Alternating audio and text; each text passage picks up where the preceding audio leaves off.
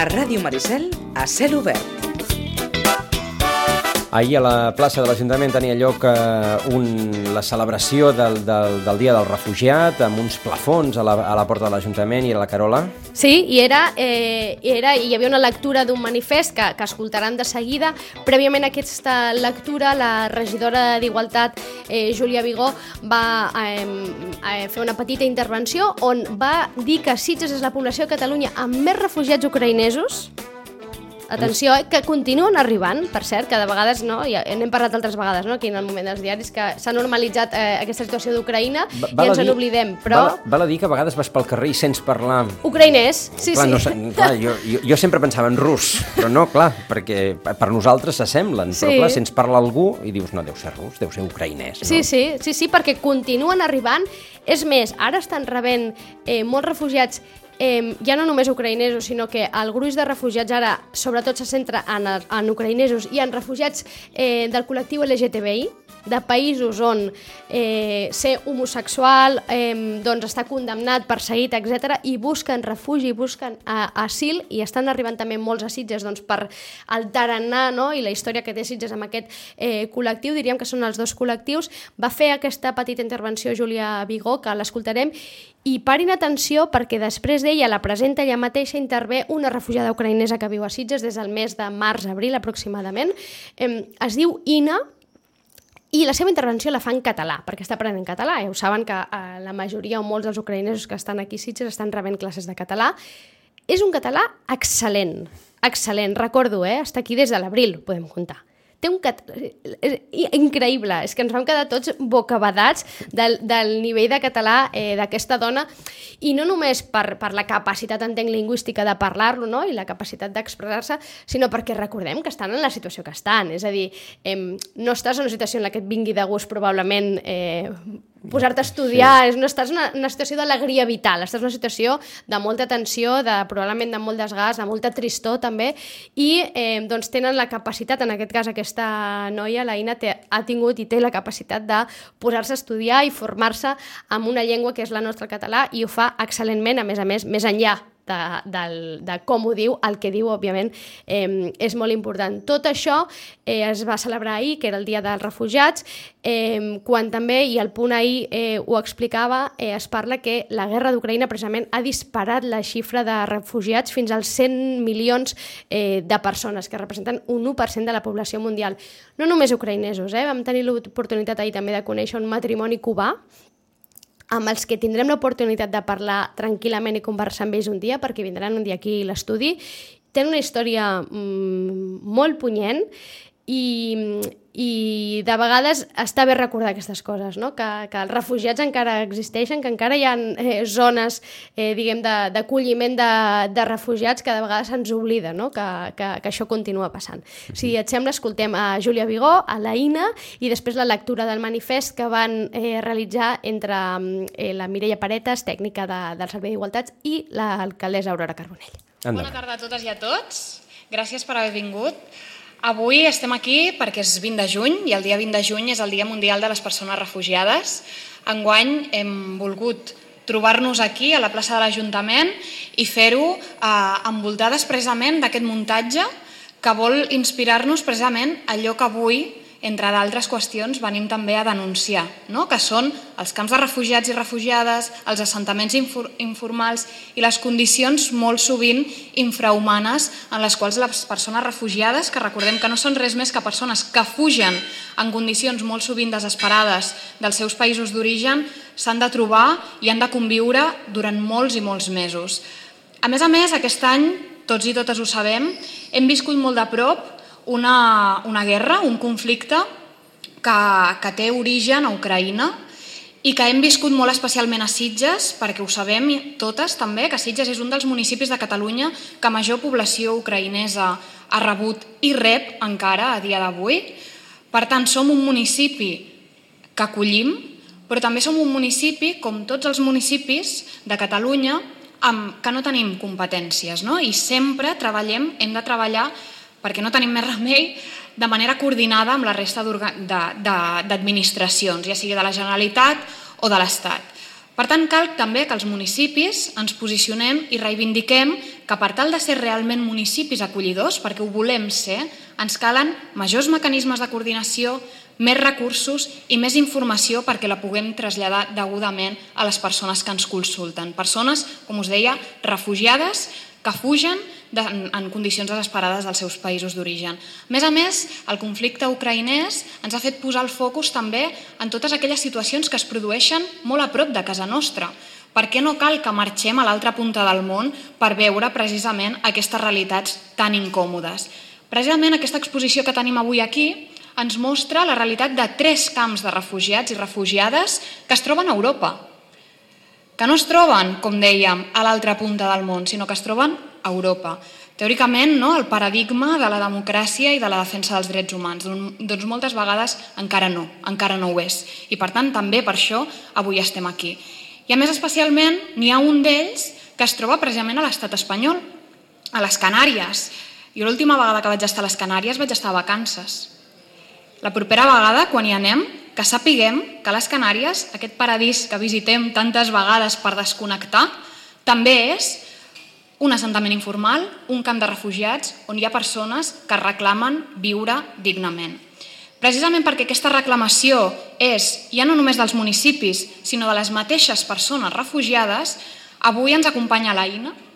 L'Aina és una refugiada ucraïnesa que viu a Sitges des del mes de març, si no m'equivoco, o principis d'abril.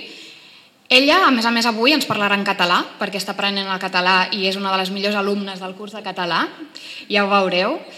I ella, precisament, nosaltres volíem que avui també ella, de viva veu, amb la seva experiència i amb la de les seves companyes, ens parli d'una realitat que moltes vegades ens és incòmoda, però que existeix.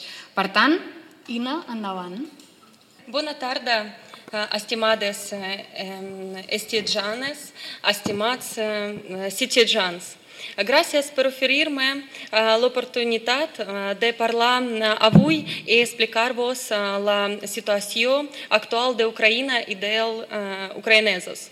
Des de línia de l'agressió russa, uh, uns 7 milions uh, d'ucraïnesos han hagut de fugir de la guerra i s'han convertit en refugiats per tota Europa, també a Catalunya. Encara no hi ha cap lloc absolutament segur a Ucraïna. Totes les persones que s'hi han quedat han de viure subterranis al metro i als refugiats antiaris. Am por oro e dolor, les persoas ucrainenses amb els seus fills han marxat i continuem marxat de Ucraïna.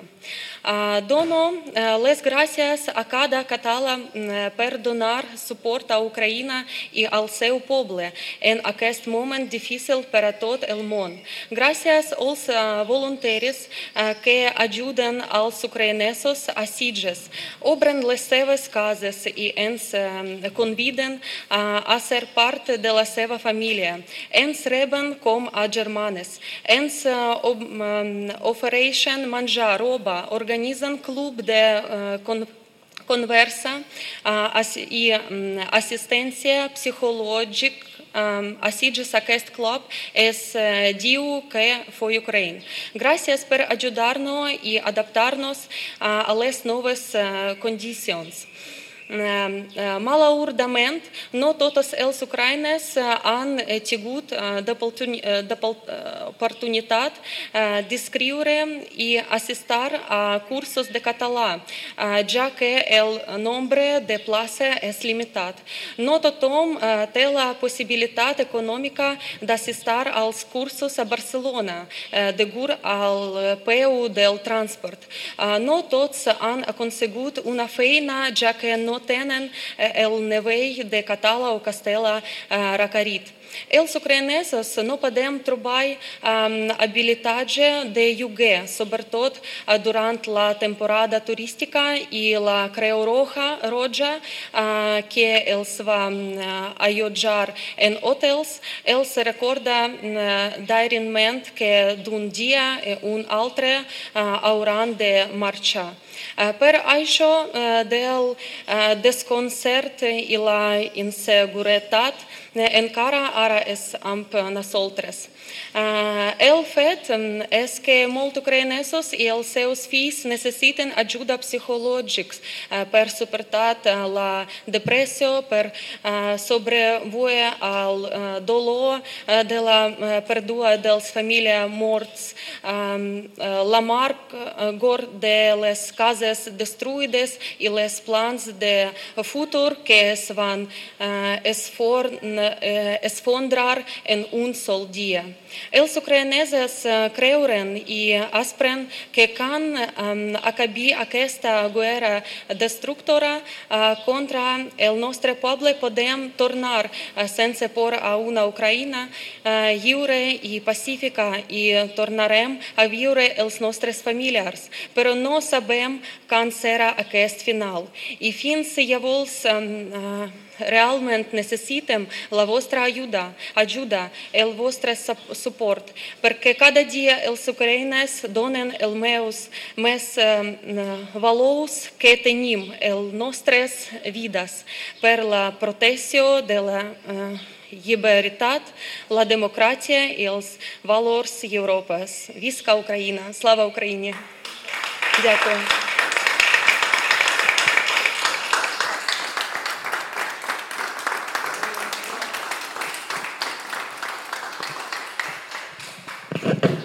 Moltes gràcies, Ina. Moltes gràcies per, pel teu testimoni. Ara, si us sembla, per finalitzar aquest acte, farem la lectura del manifest del dia 20 de juny, Dia Mundial per les Persones Refugiades.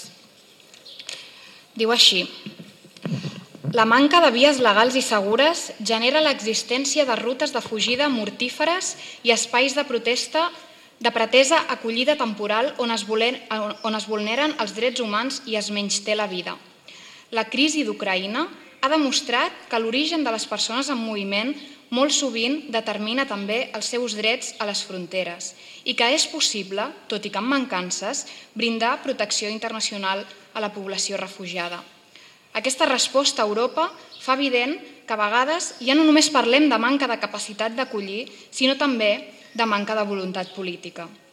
Encara hi ha milers de persones encallades en condicions infrahumanes, arreu d'Europa, a camps de, de persones refugiades a Grècia, al corredor dels, dels Balcans a la frontera de Bielorússia, en Polònia, o a Ceuta i Melilla, però són crisis oblidades.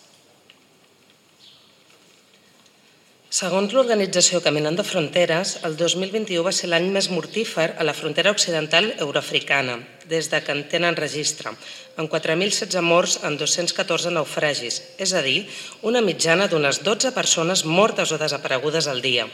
De totes elles, els cossos del 95% no s'han pogut recuperar. La majoria d'aquestes morts s'han concentrat a la ruta canària, la més activa a conseqüència de la militarització del Mediterrani i la més mortífera per segon any consecutiu. A principis de març del 2022, unes 2.500 persones d'origen subsaharià van intentar saltar la tanca de Melilla, l'intent més nombrós registrat mai, segons la delegació del govern espanyol, en el qual va haver-hi desenes de ferits i devolucions en el calent de menors, una pràctica il·legal a l'Estat. Per altra banda, Síria continua vivint un conflicte latent i segueix havent-hi milions de persones refugiades i desplaçades internes que fugen de la violència. El mateix passa amb les persones afganeses. Més de dos milions s'han vist forçades a desplaçar-se a països veïns com Iran i Pakistan, o amb els prop de 2,5 milions de desplaçats interns d'Etiòpia que han fugit de la guerra a la regió del Tigray. Davant la crisi enquistada del refugi, el municipalisme català ha de tenir un paper important en la lluita contra l'oblit i la discriminació. Segueix sent necessari pal·liar el patiment humà en les rutes de fugida i els països de primera acollida. I per això, des de l'Ajuntament de Sitges, ens comprometem a seguir aportant recursos i treballant per revertir la situació inhumana en què es troben milers i milers de persones arreu. També per activar tots els mecanismes que estiguin al nostre abast per garantir una acollida digna a casa nostra. Amb motiu avui del Dia Mundial de les Persones Refugiades, volem recordar que ara i sempre, des del municipalisme català, treballem perquè existeixin vies legals i segures que garanteixin la vida de la població en moviment, vingui d'on vingui, perquè el refugi és un dret i l'acollida digna és una obligació. Moltes gràcies a tots i a totes per haver vingut aquí per la defensa i la llibertat de totes les persones refugiades. Moltes gràcies.